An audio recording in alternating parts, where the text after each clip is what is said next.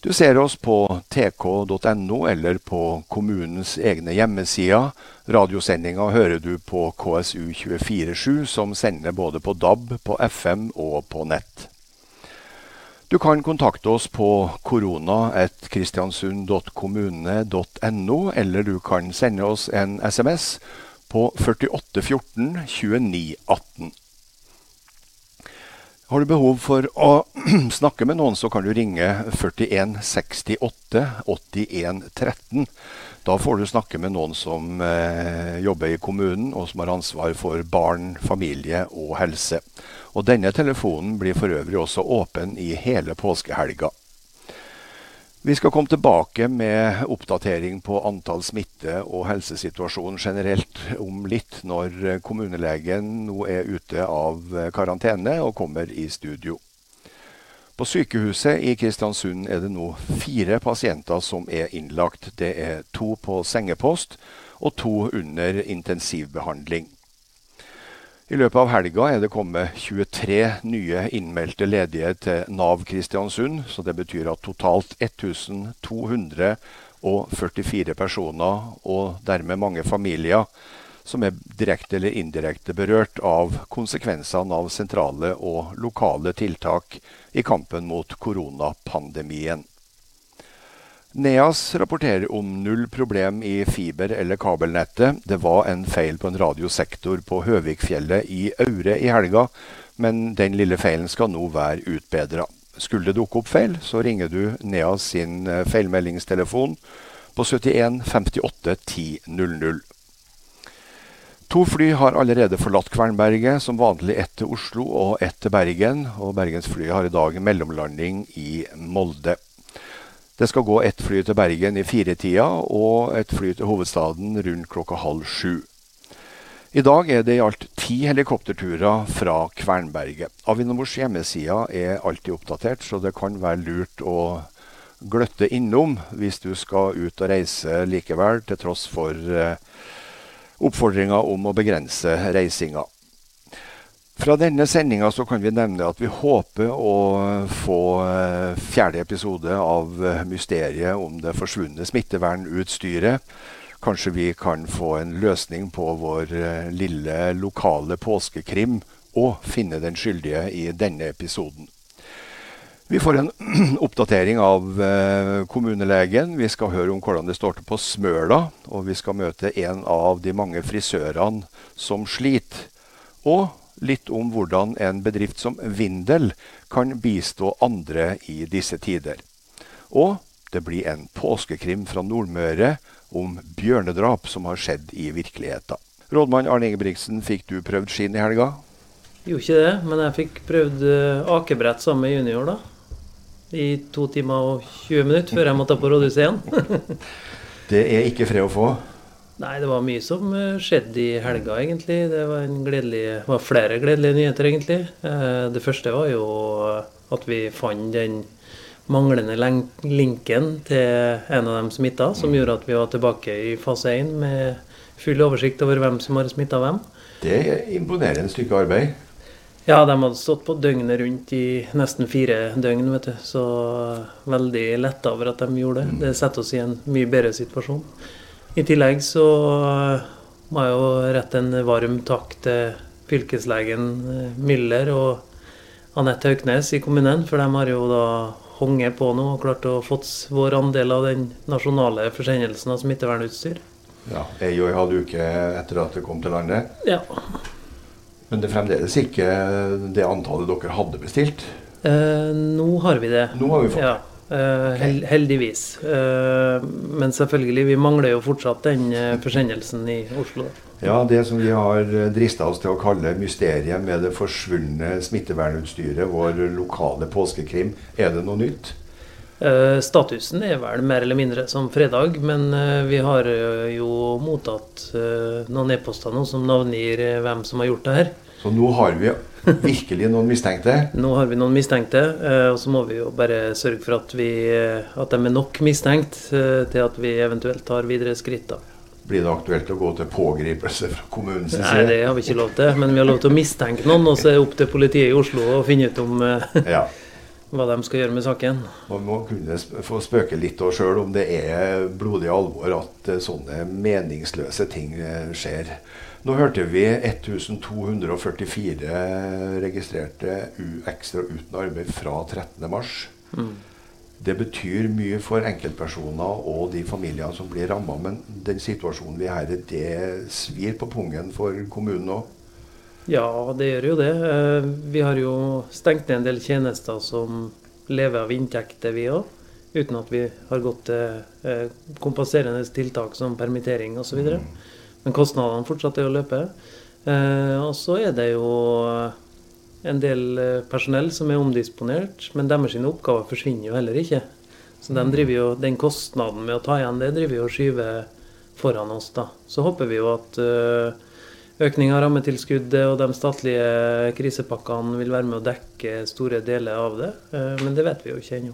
Hvor mye penger snakker vi om per dato, omtrent? Nei, Vi har egentlig bare KS sitt anslag på mellom 70 og 90 millioner for Kristiansund, ja, eh, mm. som det her vil koste. Så kan du gange det med 200, og da finner du hva det koster i Norge. Mm. Når eh, oppdragene og inntektene forsvinner fra private firmaer, så går de til permittering. Kan det bli aktuelt å permittere kommunalt ansatte? Nei, ikke sånn som det ser ut nå. Hvor, hvorfor ikke? Nei, det er jo eh, på en måte en eh, Mange av dem er omdisponert mm. til andre kritiske roller i kommunen. fordi om på en måte biblioteket er stengt, så jobber jo de med andre aktiviteter ja. i kommunen, noe som ja. er viktig for oss. Uh, og så er det et forholdsvis omfattende regelverk i offentlig sektor for å gå til det skrittet. Har du noe oversikt over hvor mange kommunalt ansatte nå som driver på med noe de egentlig ikke er ansatt for å gjøre? 150 ca. Eller de fleste driver på med ting de ikke er ansatt for å gjøre ja, om dagen. ja, det, det men, men de som driver på med noe helt annet, er 150 stykker ca. Ja. Uh, som enten da står på ei liste for å være disponibel til andre tjenester, eller at de er flytta allerede. Mm. De, de, som står på liste, må være forberedt på å steppe inn på noe annet på relativt kort varsel? Ja, det kan være en uh, ta et hypotetisk eksempel. Da, hvis uh, en person i sykehjem har helsefaglig bakgrunn, mm. men utfører en jobb som ikke nødvendigvis krever helsefaglig bakgrunn, så kan en vikar, nei, en, vikar, en assistent fra en barnehage f.eks. flyttes og tar over den jobben, mens, mm. mens, den personen går inn i typisk helserelatert arbeid. Da. Drifta av kommunen ellers går som planlagt og som vanlig? Ja, vi, vi, følger planer vi la, ja. Eh, vi er jo på dag 70 nå, og det merkes jo litt på laget at man eh, ja. begynner å, å, slite litt. Men eh, jeg syns man er flink til å være Altså det er ganske mange på hjemmekontor, ikke sant. Det at man klarer å opprettholde produksjonen hos såpass, det er jeg imponert over. Men selvfølgelig så har vi forbedringspotensialet der òg, med å være i tettere kontakt. For vi er jo så vant til å på en måte lede litt mens vi går rundt i gangen. Eh, mens nå må man jo aktivt ta kontakt for å diskutere produksjonen sin. Da. Da man klarte å spore opp den, eh, det siste mysterie, mysterie, mystiske smittetilfellet, så mm. var man tilbake i fase én igjen. Mm. Og så eh, ble lokale innreisebegrensninger videreført. Mm. Får dere noen reaksjoner på at det fortsatt er videreført? Eh, bare positive, egentlig, så langt. Men det er litt eh, Det vises jo litt i debatten at ikke alle kjenner til hva egentlig karantenereglene går på. Eh, et eksempel var at noen sa at ja, men se på Molde og Gjemnes. De har ikke karanteneregler, for de er en arbeids- og bo- og arbeidsmarkedsregion. Og det er jo helt feil. Det har jo aldri vært noe innreisebegrensninger fra hele fylket til Kristiansund. Så Gjemnes, Kristiansund, Smøla, Kristiansund, Kristiansund, Aure Alt det der har jo vært greit hele tida. Mm. Sånn at uh, de fleste diskusjonene som tar av, er jo at uh, man ikke har tatt seg tida til å egentlig lese hva bestemmelsene går ut på. når utgangspunktet er som villest, så blir resultatet som regel galest. Og kan jo bare minne på hva det dreier seg om. Det er altså den som har oppholdt seg i eh, Oslo, Viken, Agder, Telemark, Innlandet og Vestland, Ja. må i Sør for Dovre. Sør for Dovre, Mer eller mindre. Ja. Sør for Dovre, da må man eh, må i altså inn i to uker karantene. Mm. Vi får jo en del tilbakemeldinger, vi som sitter her og eh, kjører de daglige sendingene. Og hovedinntrykket er at folk er veldig fornøyd med at kommunen kjører såpass stramt som man gjør, fordi smittetallene holdes eh, så lavt. Ja. Så vidt jeg har fått med meg, så er Kristiansund den kommunen av omtrent samme størrelse som har færrest smitta. Mm, Av, omtre, av omtrent samme størrelse på rundt 20 000-25 000 mennesker. ja, men vi ligger ikke altså Det er vanskelig å, å se på en måte analytisk på det, men uh, vi ligger ikke sånn kjempebra an eh, i forhold til Molde og Ålesund f.eks. i smittetall. Eh, men det er så lite som skal til. altså De to første var jo noen som hadde vært på afterski nede i eh, Østerrike. ikke sant? Altså Eh, de medførte at hus, husstandene deres ble slått ut, og så plutselig var vi på ti før vi visste ordet av det. Ja, ja. Men det er klart vi har fire på sykehuset. Vi har to friske. Så av de 18 som er oppgitt i media nå som smitta, så er jo fire av dem på sykehuset. To av dem friskmeldt. Flere i samme husstand. Sånn at uh, i det totale bildet så er ikke, det er ikke så mange hus som er smitta. Eh, Og, og den, den kurven den er sånn rimelig flat. Ja, altså en, en eller annen gang i forrige uke så husker jeg eh, at jeg tenkte at da hadde vi fått smitte nummer 16. Jeg lurer på om det var på tirsdag eller ons, onsdag, kanskje. Ja, stemmer nok. Eh, og så hadde vi en frisk en samtidig. Da var vi ned på 15 igjen. Mm. Og så Nå er vi på 18. Eh, men så har vi to friske, så da er vi ned på 16. sånn at det, Ja. det, det stiger veldig, veldig sakte. Og det, det er litt det jeg mener med at vi har kontroll. Da, altså. Men plutselig kan vi ha et karantenebrudd, og så er det 40 stykker i Karøla. Altså, Ja. Det kan man jo aldri forsikre seg mot. Det er et sjansespill. Ja, jeg vil ikke kalle det det, men eh, ikke jobben vi gjør, er ikke et sjansespill. Men, Nei, men eh, effekten av effekten av samfunnets uh, håndtering, kan, det blir jo fort et sjansespill, da. Takk skal du ha, Ingebrigtsen. Du kommer som vanlig tilbake igjen i morgen. Det gjør jeg. Samme tid, samme kanal. Absolutt. Som vi hørte da rådmannen var inne her for en liten stund siden, så er det altså 18 eh, registrerte smitta per eh, i, dag i Kristiansund. Men eh, Askild Sandvik, det er ikke så mange som er syke. Ja, det stemmer. Vi har jo to friskmeldte. Så vi har 18 registrert, som er som er registrert smitta. To friske, dvs. Si 16 som er innenfor syk. Men nå, men nå blir man jo registrert som syk frem til man er ei uke symptomfri. Ja. Slik at den statistikken her vil, vil alltid henge litt. da. Er, det- er det sånn på landsbasis også at de andre har akkurat det samme regnestykket? Så at sjøl om eh, tallet på smitta øker og ligger rundt 5000, så er det noe som er friskmeldt i bunnen? Ja. Ja. Ja. Eh, uavhengig av pandemi eller korona eller covid-19 som det offisielt heter, så folk hoster og harker og nys til vanlig på vinterstid. Hvordan kan man vite forskjellen på en covid-19-smitte og vanlig forkjølelse eller influensa? Kjempegodt spørsmål. Eh, Det vi ser litt nå, er at influensaen har vi nesten tatt knekken på med de eh, nasjonale eh, tiltakene i forhold til hygiene og smitte og isolering som vi har hatt nå. Det er jo markert mindre influensa ut- ute og går.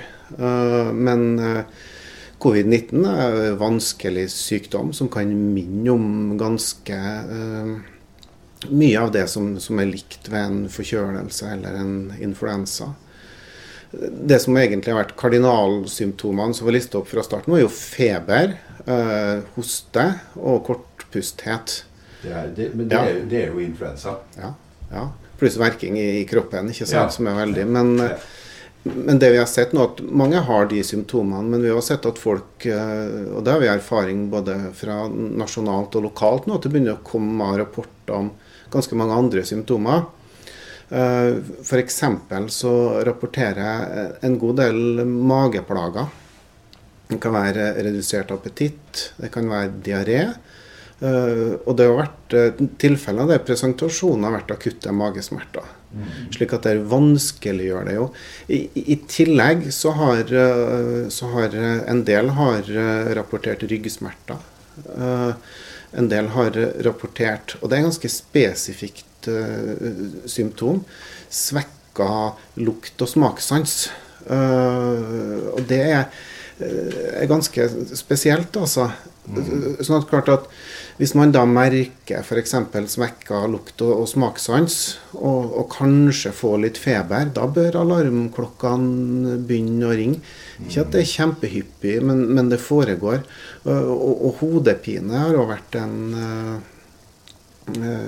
ja, et, et, symptom som er rapportert. Men det er klart, de aller fleste går under de hovedsymptomene som vi snakka om først. Men eh, det viser seg at viruset kan gi opphav til, til en rekke ulike symptomer. Så det, det jeg nesten tenker, hvis du kjenner på noe som du ikke har kjent på før, ja. hvis det er noe som er, virker unormalt, og, og, så, så, må man ha covid-19 eh, i bakhodet. Og da må man i så fall uh, ta kontakt med f.eks. fastlege og få eh, en dialog rundt om, om kan det være det som, som feiler meg. Ja, fordi at Jeg hørte også den dristige NRK-reporteren som var inne på sykehuset i Monza i Italia. Der det døde folk mens han var der. Mm. Og Der var det en lege som poengterte at det her er ingen vanlig influensa. Covid-19 er noe helt annet. Mm. Det er ingen vanlig influensa. Nei. Men du nevnte noe som er interessant. Nå har folk lært seg å holde avstand. Vi har blitt ekstremt flinke til å vaske fingre og nys i albuen. Mm. Altså, når det her er over, så må jo det generelle rådet være fortsett med det her, så unngår vi influensaepidemiene. For det dør jo langt flere av en vanlig influensa i løpet av et år i Norge enn av eh, foreløpig i hvert fall av covid-19. Foreløpig, ja. Uh, og det du sier, er jo et kjempepoeng. Uh, og Det var det erfaringene var under svineinfluensaen òg. At når man hadde fokus på god håndhygiene i skoler og barnehager, og, og rundt omkring, så, så, gikk jo antall smittetilfeller drastisk ned. slik at det er viktig at det kan jo faktisk påvirke med den atferden som mm. vi har. Og det er viktig. Noe positivt kan jo komme ut av det. Ja. Uh, smittesporingsteamet har jo gjort en fantastisk eh, jobb og liksom har mm. ordna det. Er man i en situasjon der de kan få trekke pusten litt nå? Nei, altså, Man går jo på en måte inn i, i, i um, virkelig tida der smittesporingen nytter nå. da. Mm. Og, men vi er, vi er jo rigga, og vi er kanskje rigga langt sterkere, da, med mye sterkere ressurser enn en, uh, på smittesporing. Med langt flere folk og, og med mye kompetanse enn det kanskje sammenlignbare kommuner er.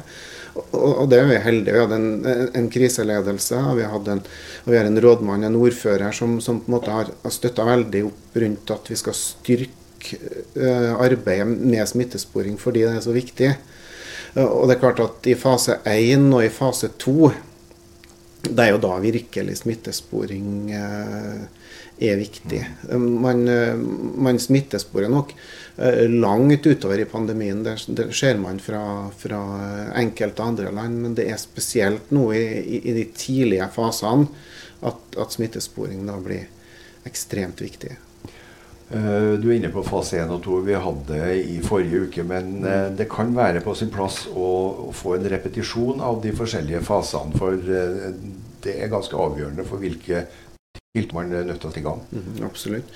Fase 1 det, det, preges av enkelttilfeller, uh, gjerne importtilfeller, land fra utlandet, uh, altså smitt, smitta fra utlandet, hvor, uh, hvor, man har full smittesporing og kontroll på hvor smitten kommer fra.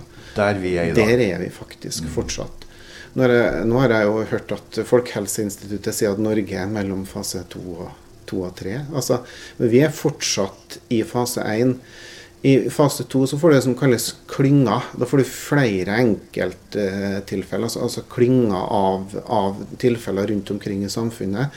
Og da vil ikke alle være sporbar til en konkret uh, smitte enten fra utlandet eller at man er nærkontakt av noen som allerede er smittet, så får du på en måte smittetilfeller som du ikke kan forklare. Har du da mista kontrollen?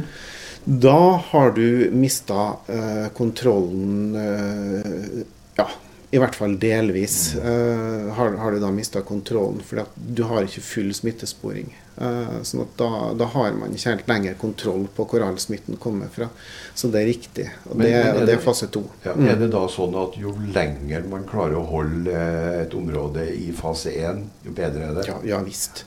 For at uh, det er ikke sånn at vi umiddelbart skal jage etter en flokkimmunitet immunitet her, og, at dette skal, skal, skal, på en måte komme over oss i full fart. Mm. Jo lenger vi klarer å utsette, jo bedre. Eh, for det er ikke sånn at vi kommer til å få det igjen hvis vi er flinke eh, flink nå. All den jobben vi, vi gjør nå, er med på å redusere det presset på helsetjenestene og gjør at vi klarer å gi folk god hjelp, at vi på en måte ikke får den overbelastninga.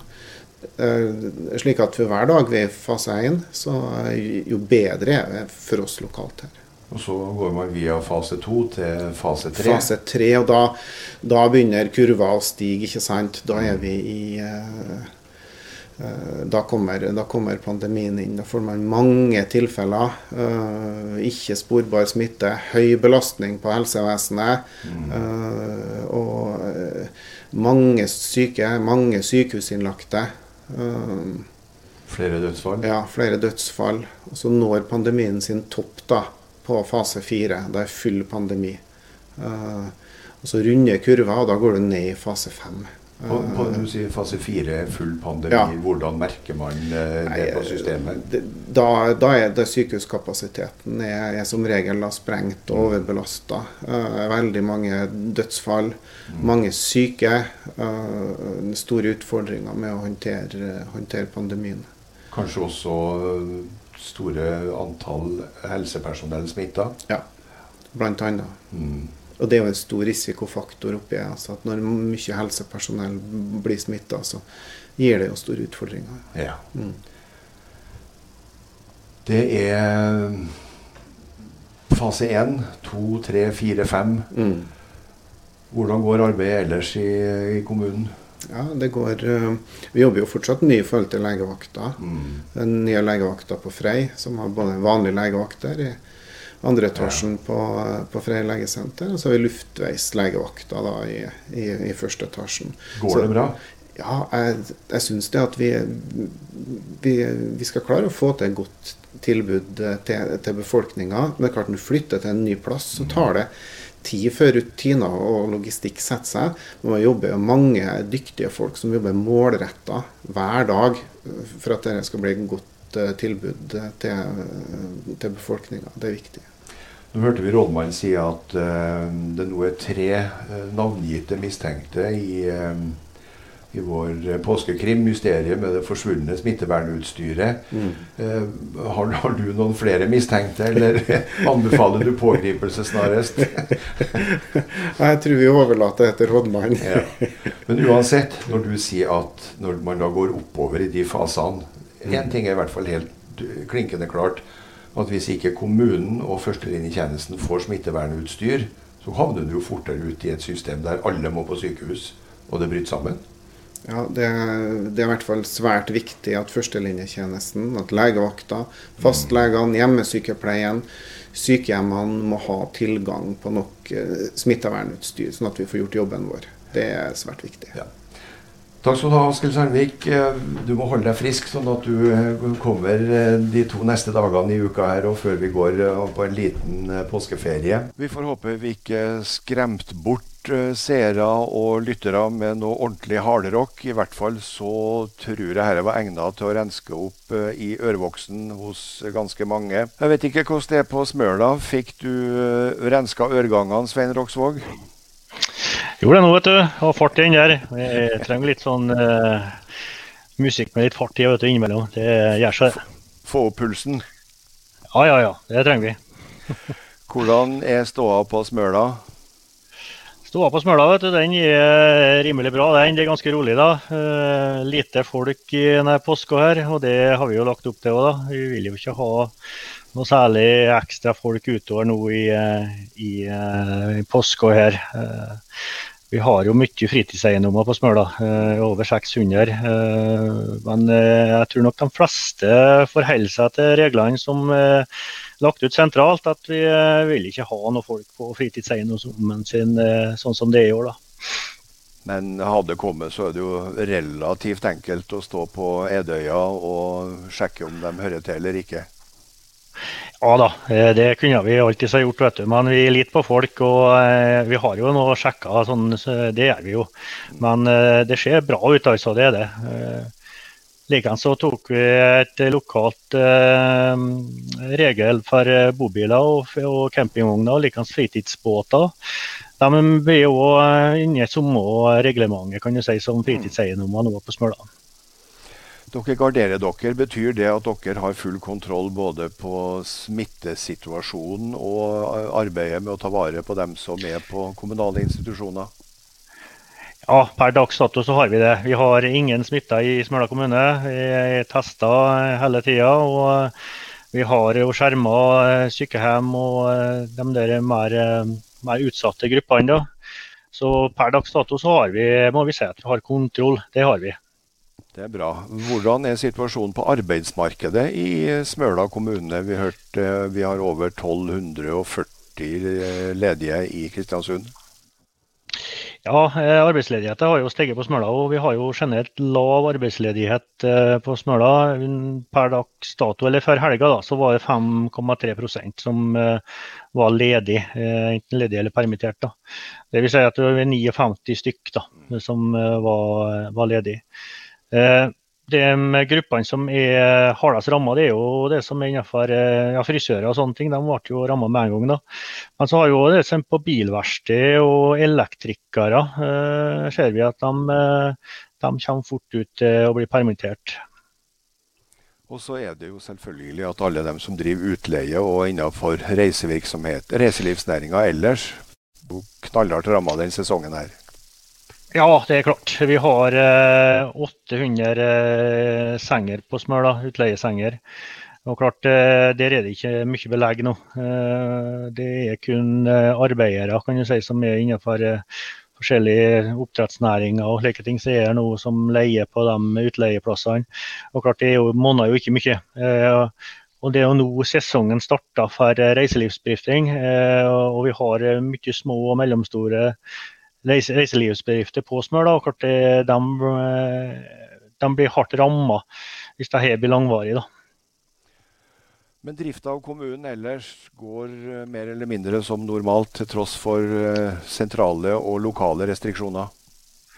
Ja, gjør det. Vi prøver å holde det meste opp og gå. Eh, nå, vi har mye ildsjeler på Smøla, vet du, så her før helga så hiver de seg rundt noe som heter Smøla Puls starta opp. Der er det kulturarrangement nå eh, på mm. nett. Så nå er det kulturarrangement for dem som sitter på sykehjemmet, uh, slik at de får uh, litt mer eller mindre normal hverdag da, oppi det hele. Det er viktig, da. Tusen takk skal du ha, Svein Roksvåg, for at vi fikk plage deg. Og hvis vi ikke snakkes eh, før onsdag, så får du ha en riktig god påske. Og så får vi håpe at dere klarer å holde dere smittefri så lenge som møla på Perla Smøla. Likeså, du. Vi skal gjøre vårt, vi i hvert fall. Det er mange som eh, sliter. Vi har nevnt det før, men eh, vi kan nevne det igjen. 1244 ledige i Kristiansund siden 13.3. Frisører mista jobben på dagen, butikker må stenge, frilansmusikere har ikke noe å holde på med. Og det er mange andre bransjer som merker det her. Men i Kristiansund så er det et firma som heter Vindel. Og Asker Bare Hansen, kan du forklare litt hva driver dere med? Ja, hei Steinar. Trivelig å se deg. Likeså. Det var vakre bilder fra Vestmøla. Jeg fikk nesten tårer i øynene. Ehm, det var Vindel. Vi er et eh, lite selskap som driver med å hjelpe oppstartsselskap, gründere, de som vil starte egen bedrift, og de som vil utvikle bedriften sin. Vi har en sånn 70-80 kunder vi jobber ganske regelmessig med. Og så har vi en god del eh, som vi har inn til veiledning. Da. Så dette er en del som er ganske hardt ramma av, av covid-19. Spesielt de som har nylig starta egne selskap mange av de ordningene som er kommet, de gjelder jo ikke for, eh, for oppstartsselskap. De har ingen faste inntekter å vise til. Eh, de har ofte eh, tatt ut veldig lite lønn. Kapitalmarkedet stopper opp, så det er ganske utfordrende for, for de bedriftene der. Hvor mange bedrifter snakker vi om lokalt som virkelig har fått smellen midt i fleisen? Nei, Det tror jeg KNN har bedre oversikt over oss enn vi. For vi jobber ikke med alle bedriftene rundt omkring her, men vi gjorde en kartlegging blant eh, de vel 70 som vi jobber mest med. Og eh, det var vel bare to som der sa at de ikke var eh, veldig hardt ramma av covid-19. Har dere noe å bistå med, bortsett fra den tradisjonelle rådgivninga, hjelp og støtte i oppstartsfasen? Dette er jo en situasjon som ingen har vært i før, og som ingen hadde mulighet til å forutsi. Ja, vi har jo en, eh, en, en eh, pakke, vi da. Eh, først og fremst må jeg fortelle, si at vi er ikke sånn er ikke, vi er ikke Nav. eller Du kan ikke komme oss og søke om tilskudd, men vi kan bistå bedriftene veldig mye og finne ordninger som passer for dem. Det gjør vi én til én. Og vi har god oversikt over alle ordninger som Nav har, som Innovasjon Norge har, hva fylkeskommunen gjør. Så vi, vi, vi, hvis du kommer til oss, så kan vi hjelpe deg veldig mye. hvis du eh, for vi har, eh, På vår hjemmeside kan du finne en del, men det, her, eh, det oppdaterer seg en løpende hele tida nye ting som kommer. Så det aller beste er om de tar direkte kontakt med oss. Kontaktinformasjon finner du enten på Facebook-sida vår eller på hjemmesida vår. Er det noen eh, nyoppstarter som allerede har vært i kontakt med dere? Å ja. Vi, eh, vi, stengte jo ned kontoret 12.3. Eh, Eh, og De to første dagene så visste vi ikke helt hvordan, hva gjør vi nå. Eh, men fra mandag den 16. eller hva det var, så var vi fullt operative igjen med digitale samhandlingsverktøy. Og, eh, så vi har egentlig opprettholdt eh, virksomheten som normalt. Eh, vi har ingenting som tyder på at vi skal få mindre å gjøre i, eh, i tida fremover. Sannsynligvis ikke. Men samtidig så mener jeg å ha registrert en eller annen plass at sjøl etter at tiltakene mot uh, covid-19 kom, så har det vært en pågang fra gründere med gode ideer i ettertid. Har dere hatt noe sånt? Ja, eh, vi, vi, se, vi, forventer jo også at stadig flere kommer. Eh, altså etter folk som blir, eh, folk blir permittert sittende hjemme litt, lurer på om kanskje de eh, skal ta steget og etablere eh, sitt eget selskap. Så vi forventer at, eh, at, vi vil få større pågang. Jeg så en oversikt her eh, over antall nyregistrerte bedrifter i første kvartal. Og Den viste jo at det var veldig mye faktisk eh, nye bedrifter som var registrert de ukene mens, altså etter at covid ble høyaktuelt. Vil jeg tro at en del av det kan være litt tilpassinger ved at privat, eller enkeltmannsforetak går over til AS osv. Det er litt sånn tilpassing i forhold til regelverket. Men vi tror at, uh, at, det vil komme flere som vil etablere egen bedrift. Og vi skal hjelpe dem her så godt vi kan. Vi har primært nedslagsområdet Kristiansund, men vi kan også hjelpe bedrifter utenfor Kristiansund. Det er noe i det gamle ordtaket om at eh, nød lærer naken kvinne at spinne. Ja, nå prøvde du å få ordtaket riktig. og Du prøvde deg jo på en liten eh, Ibsen i sted med Per Gynt. Den traff du ikke helt på. Men eh, Gjorde jeg det? det er, mm, ja, prøvde jeg meg på Ibsen? Ja, Du prøvde deg på Ibsen med rådmannen til stede. Da sa du at når utgangspunktet er feilest, ja, men det er vel ja. når utgangspunktet er galest, blir titt resultatet originalest. Ja, Takk for, opprett, eh, takk for korreksjonen. Nei, eh, vi tror eh, vi vet jo ikke helt hvordan dette vil gå. Det er jo ingen som har noen formening om hvordan dette skal gå, hvor lang tid dette går over. Men at uh, det vil være en del som sannsynligvis vil uh, stå uten jobb, som har god kompetanse, men som ikke vil få fast arbeid i en periode. Og at en del av de vil komme til oss, det tror vi er sannsynlig. Og vi skal hjelpe dem. Takk skal du ha, Asgeir Bare Hansen i eh, Vindel. Og takk for den hjelpa du yter gründere, og takk for at du korrigerer oss som uh, glipper litt på direkten. Det er mange småbedrifter som har fått det skikkelig tøft etter at koronatiltakene ble satt i gang 12.3. Enkeltbedrifter med få ansatte måtte stenge på dagen helt uten skyld. Og frisører er en del av uh, arbeidslivet som virkelig har fått føle hvordan det her er i løpet av kort tid.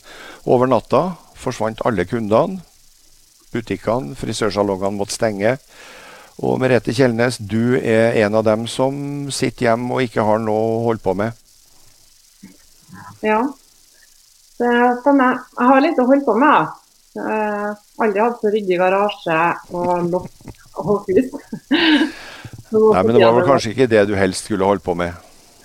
Nei, det var ikke. Det er kjempetrasig uh, å bli arbeidsledig og varsle om det på fire timer. Uh, ivareta ansatte, bedriften plutselig blir hjemmeværende og være lærer til to jenter som går i barneskolen. Det var ikke helt det jeg så for meg når det nærmer seg påske. Da har vi ofte travelt og fyller lista. Og her sitter vi altså uten inntekt, kun med utgifter og vet ikke helt hva verden skal bli. faktisk.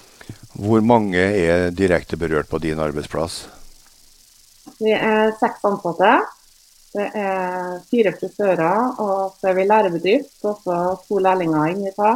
Mm. Eh, det blir ekstra tak for selvfølgelig. De vil også forlenge læretida si, og detter jo litt av eh, prosessen på opplæring her. Nå har jeg fått med meg at eh, Møre og Romsdal fylkeskommune skal bevilge 175 millioner i eh, ekstra tiltak. og Der var det et kapittel som handler om nettopp å sette inn nye tiltak overfor lærlinger, så at de får fullført eh, læretida si.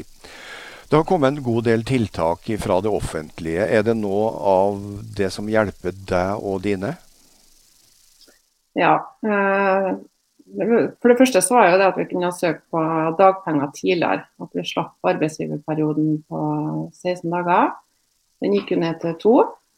Eh, likevel så sitter jeg da og må lønne alle mine ansatte en hel uke uten at vi har inntekt. Fordi at eh, det lovendringsvedtaket ble jo ikke gjeldende før 20.3. Vi mm. stengte jo da den 12. og permitterte alle samme dag. Så for bedriftene så ble jo Det fikk ikke tilbakevirkende kraft. Eh, når det er en lovendring, så går ikke det an. Mm. Har vi fått beskjed Så bransjen ble ekstra hardt ramma pga. det med lønn og null inntekt, selvfølgelig. Så ble det en tøff byrde for alle de små bedriftene som eh, kom unna. Ellers er jo det tiltaket på den støtten på 90 eh, som da dekker 90% av våre faste utgifter. Utenom de faste utgiftene så har vi også mange andre utgifter som går eh, i forhold til varer som var bestilt, som kom på døra etter vi hadde stengt. De må jo betales. Så nei, det er tøft. Det er steintøft. Mange er usikre på hvordan fremtida blir, det tror jeg. Mulig et trekkspørsmål, men hvor lenge klarer du å holde ut? Og klarer du å holde ut? Jeg vet faktisk ikke. Jeg har bestemt meg, jeg skal holde ut uansett. Eh, jeg skal benytte meg av sjansen til å søke på lån med statsgaranti for å sikre bedriften og ansatte. Eh, det har jeg lovt meg sjøl og det har lovt mine ansatte at vi skal gjennom det på et vis. Men alle må bidra eh, og kjenne litt på dugnadsånden akkurat nå. Mm. Men igjennom skal vi. Men det blir tøffe tak.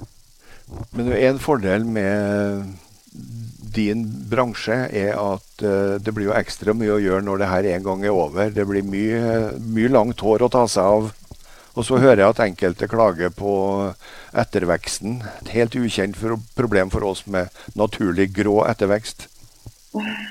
Eh, ja, vi får mye å gjøre. Eh, men vi vil jo aldri kunne ta igjen alle de kundene som nå skulle ha vært til oss. De kommer ikke å klippe seg to ganger eh, etter vi åpner igjen. Så det er bare at det blir mer å ta av på en gang. Men omsetninga som er borte nå, den vil vi aldri kunne få tilbake. Så det det tapet er stort, og det kan vi aldri ta igjen, dessverre. Tusen takk skal du ha, Merete Kjellnes, at vi fikk høre hvordan hverdagen blant frisører er. og Vi kan ikke gjøre annet enn å håpe at det ordner seg for eh, absolutt alle som uforskyldt har havna ut i et eh, økonomisk uføre. Nå skal vi virkelig over til noe helt annet. Det er nok mange som har sett den eh, bjørnestøtta som står ved vannet mellom Betna og Settemsdalen. Hør på det her. Kjenn på denne følelsen. Det er noe utenfor hjemmet ditt. Noe som jakter på deg. Noe du ikke har kontroll på.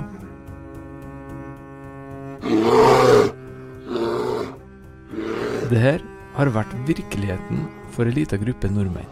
I to år så terroriserte, drepte og lemlesta en bjørn mennesker på Nordmøre. Et kvinnemenneske er av samme bjørn revet til døde. Men tåler historien dagens moderne etterforskningsmetoder? For meg så er det helt utenkelig at så mye spinner på ingenting. Altså at det går ut ifra bare bløff. DNA-spor, våpenanalyser og søk i glemte arkiv.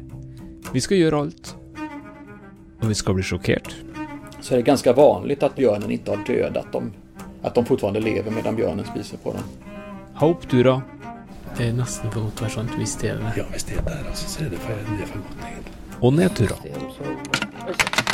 Oi, oi. Nei,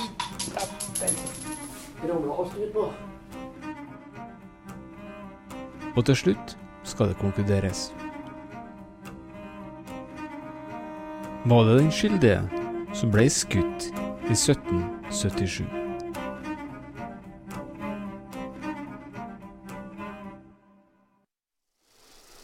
Påskekrim fra eh, virkeligheten. Og det er laga i utgangspunktet av eh, NRKs Eirik Haukenes. Og Eirik Haukenes, jeg tror du var nyhetsjournalist? Det. Ja, men Noen ganger så trenger en et lite avbrekk, og så må man jobbe med det som ikke ligger rett foran eh, nesa. Og da er det godt å kunne gå litt tilbake i tid. Hvorfor så fascinert av den eh, storyen der? Eh, det er veldig vanskelig å si, egentlig. Men jeg tror det, du vet, Når du opplever noe i barndommen, så er de minnene ofte veldig mye sterkere enn når du er voksen. Og det her husker jeg veldig godt som at vi var på tur eh, til Storfosen, der vi alltid var i alle ferier. Og så gikk vi ut og hadde tissepause ved denne Bjørnastøtta. Og så spurte jeg hva, hva er det som står, og så fortalte far min litt hva som sto, og litt om at eh, Ikke mye, men det var bare at, at, det var fem personer som var drept av bjørn i det området der. Og da var jeg kanskje Jeg, jeg tippa en sju-åtte år. Uh, og, og, det var starten på sammenhengen. Altså jeg tror i hvert fall to ganger i uka mm. så drømte jeg om denne bjørnen som jaga meg ned gjennom skogen på Åndesmyra, og jeg akkurat kom meg inn terrassedøra igjen, Og bjørnen sto på utsida av vinduet og kikka inn på meg. Så det ble med meg hele tida. Og så, så, har jeg gått og tenkt på en historie. Bernt Bø har skrevet 'Kring en fjord'. Fantastisk bra skrevet om, om denne historien. Så leste jeg den etter jeg begynte i NRK for en eh, tolv år siden. Og sa at det her, det her må jeg gjøre noe mer med. Og så har jeg jobba og blitt mer og mer liksom sugd inn i denne historien, for den har absolutt alt. Hva blir resultatet av eh, bjørnefascinasjonen eh, fra og med i dag? Ja, nå ligger den jo ute på nett. nrk.no. ligger det jo ute historie der vi har prøvd å gjenskape hele stemningen og alt rundt det der. Eh, og alt sammen er tatt opp på, på lyd. Så målet er at det, i løpet av eh, høsten antageligvis så kommer det en podkast, en litt sånn cold case-historie. True crime. Der vi går eh, tilbake i tid, altså 1775 og 1776 var det den virkelige drapsmannen som ble tatt fortelle litt mer om metodene og sånn, så det er tanken. Og, og da, tilbakemeldingen Han logger ut i to-tre timer tror jeg på nett. Tilbakemeldingen vår er voldsom. Forfatteren Tom Egeland faktisk sendte meg en melding nå mens jeg satt på bakrommet deres og spurte skal du ikke skrive en bok om det her. Så nå har jeg fått veldig store tanker om meg sjøl at jeg nå skal skrive bok. Eh, men for en mann som nesten ikke klarer å lese en hel bok uten å bruke et år for eh, slow reader, som de sier, så, så er ikke sikker at det blir det. Men eh, det er tydelig at det fenger folk. At det er noe som folk syns er spennende. Og Tom Egeland er jo journalist som har eh, begått opp til flere bøker og gjort det meget bra. Du sier litt om metodene nå. Vi hørte på den lille snutten før vi eh, begynte å prate med deg. Det var noe som knuste, så var det noen som sa oi, oi, oi. Hva, hva var det? Det var heftig banning på et laboratorium på NTNU. Eh, det, ja, akkurat den historien er tona litt ned i, i, i det som er på nett, så den kan jeg fortelle dere uten at jeg avslører noe som helst. Men vi, vi leter altså etter bevis for hver lille detalj i denne historien om Mannbjørn. Uh, og en detalj der det er at den ble skutt med en sølvknapp. For uh, vanlige kuler biter ikke på slikt et dyr. Ikke sant? Selvfølgelig. det Så tenkte jeg ja, så tenkte vi det må vi jo klare å finne ut. For eh, hvis vi klarer å finne børser som ble brukt, så vil jo sølv, i mitt hode i hvert fall Sølv er, er faktisk da hardere enn bly. Så hvis det legger seg en litt sølv der, så skal det ikke bli revet ut av blyet som blir fyrt av etterpå. Det er litt søkt, for det er jo, geværet er jo brukt i 200 år etter at denne kula ble løsna. Eh, Men vi leita opp i geværet, og så for vi på NTNU eh, til metallurger der i hvite labfrakker, der de skrapa ut, og så skulle de eh, ta en atomanalyse av det her. De skulle kaste atomene utover et kart og se hvor de landa. Du må ikke spørre meg om å gå i dybden her, for det her, det, nå gjengir jeg bare det de sa til meg, for jeg skjønner det ikke Nei, en dag i dag. Men jeg vet vi fikk et svar. Eh, og jeg vet at når vi skrapa første gangen, så satte vi mikroskop, og så så vi ned, og så glitra det. Var masse glitring. Tenkte vi har funnet sølv. Det her er jo sølv. Og så sier han ene professoren at ja, det kan også være fra det skrujernet vi har brukt. Eh, krummen fra det. Så, men vi skal se ordentlig på det, og så skal vi ta en prøve. Og mens han gikk opp for å hente noe utstyr for å ta prøven, så var kollegaen hans som skulle eh, vise meg hvor fantastisk nytt eh, lys de har fått på mikroskopet sitt. De har fått sånn LED-lys, vet du. Det hadde de ikke hatt før. Så han skulle ta av den der for å vise den til meg, og så sto prøveglasset der, og, han tar, og den satt litt. Og så nøkker han til, og smeller prøveglasset ut på gulvet. Og det du hører der, det er lyden av et sånt prøveglass som spretter på et betonggulv. Ligger til slutt stille. Helt tomt. Alt som var oppi, er bort. Du hører en litt sånn tilbakeholden Jeg er litt tilbakeholden, litt sånn, for jeg vil ikke Jeg, jeg vil jo ikke liksom, jeg syns det er litt pinlig for han stakkaren som gjorde det her. òg. så er jeg litt sånn hyggelig og sier uff da, men det er sikkert noe igjen. Og sånn jeg prøver meg på etterpå. Mens han han vet hva som har skjedd, og han kommer med ei ganske bra regle eh, da han oppdaga at eh, prøven forsvant. Men han fikk skrapa på nytt igjen.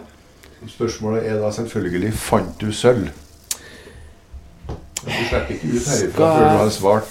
Skal jeg avsløre det, da, eller skal folk få lov til å lese? Eh, Jeg kan jo si det sånn at eh, det var en veldig søkt greie å skulle finne sølv i det. Ehm, eh, og jeg er ikke styrka i trua på at det ble brukt en sølvknapp. Det kan jeg si.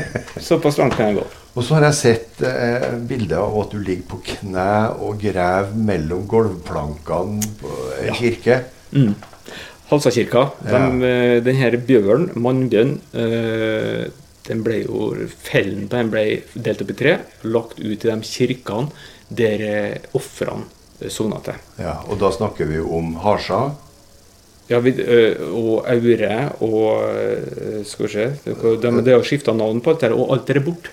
For Ja. det, det brunner, vet du. Så det er jo bare Harsakirka som er igjen.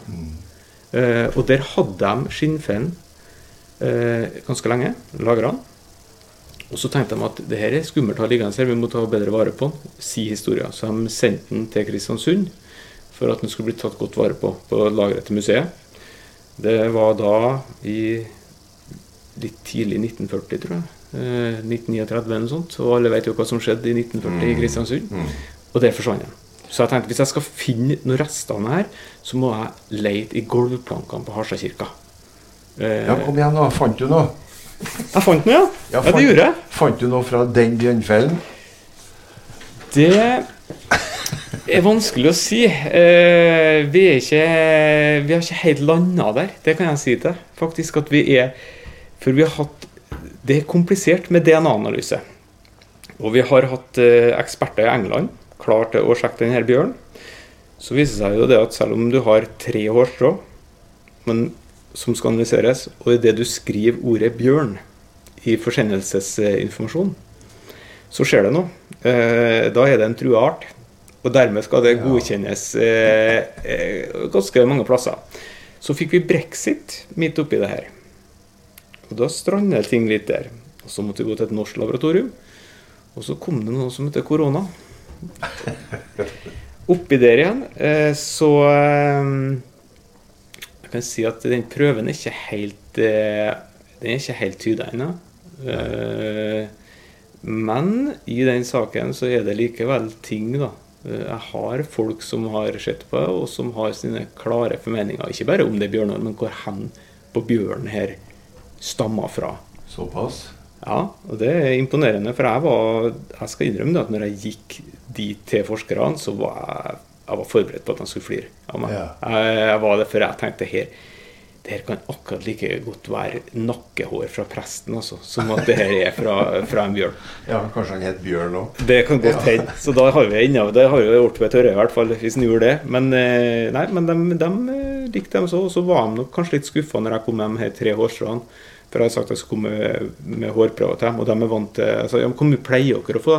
En god neve bør vi ha, i hvert fall. Så eh, Du får, du får gå litt mer gjennom mellom plankene. jeg tror vi skal si at vi klarer oss med det vi har. Derfor det var mye støvsuging for uh, få hårstrå, men det var utrolig artig. Og det, og det som har vært så artig nå, har jobbe med dette her Jeg har jobba med i, i to år uh, og leita, uh, og det har vært så positivt. Uh, de uh, lokalhistorikere, folk i kirka i Harstad f.eks.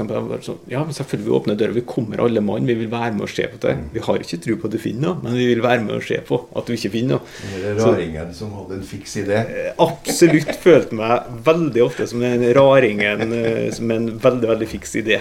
Gjort det. Så det er godt nå å kunne legge fram og, og det her på nrk.no og vise at det var, ikke, det var ikke bare tull. Vi har faktisk klart å lage et uh, godt produkt. da.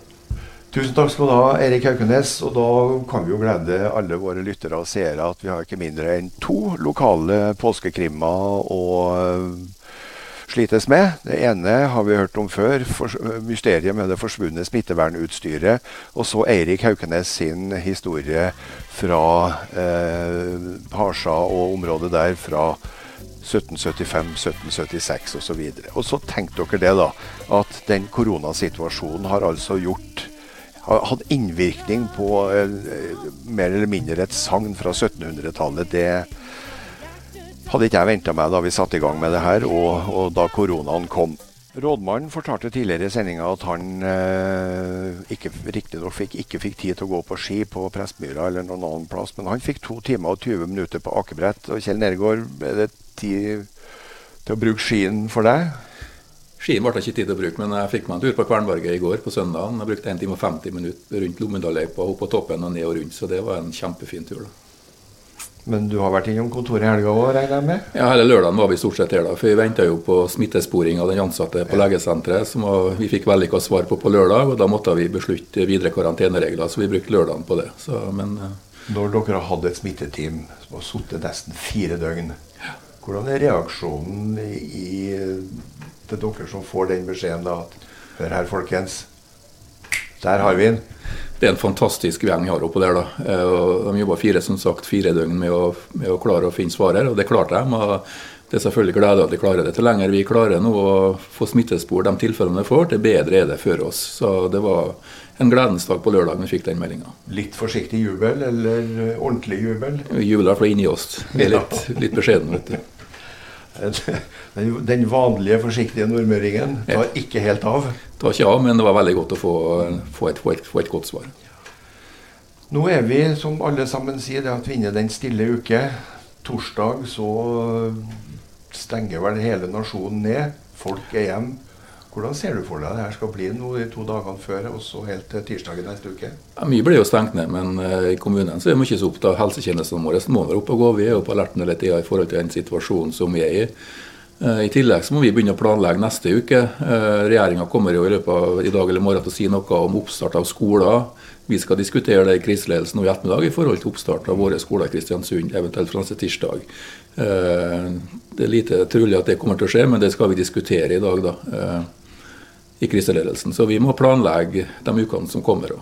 Bortsett fra det, hva annet må dere planlegge for? Det å være sikker på at du har god nok beredskap på helsesektoren eh, gjennom påska. Det er veldig viktig. da, så vi i kriseledelsen kommer til å ha kontakt med hverandre hver dag. Om vi ikke møtes fysisk hver dag, så skal vi i hvert fall ha daglig kontakt. Og Så er det jo kjekt at vi i morgen får den oppdateringa fra dagens krisemøte når vi går på sending. Takk skal du ha, Kjell Nergård. Vi prates eh, også i morgen og resten av dagene her. I denne sendinga og tidligere sendinger de går i opptak på tk.no, på kommunens hjemmesider, og du finner oss på Facebook og YouTube. Og I tillegg så sender KSU247 radiosendinger i reprise utover ettermiddagen og kvelden. I denne sendinga så har vi hørt uh, det fins navngitte mistenkte i påskekrimmen 'Mysteriet om det forsvunne smittevernutstyret'. Kanskje pågripelse i nær framtid og ny episode i morgen, muligens med oppklaring. Vi er inne i den stille uke. Send noen varme tanker til dem som holder hjulene i gang, både i den kommunale helsetjenesten, på institusjoner og sykehuset, og funksjoner som ellers holder samfunnet i gang. Ta en telefon til noen du vet alene, eller ta kontakt med noen du kjenner som er blant de 1244 permitterte. Hold ut, hold sammen, hold avstand og hold dere hjem. Vi avslutter som vanlig med Vitalux, Frode Alnes, Arild Andersen og Stian Karstensen. Takk for oss. Vi er tilbake igjen i morgen klokka tolv.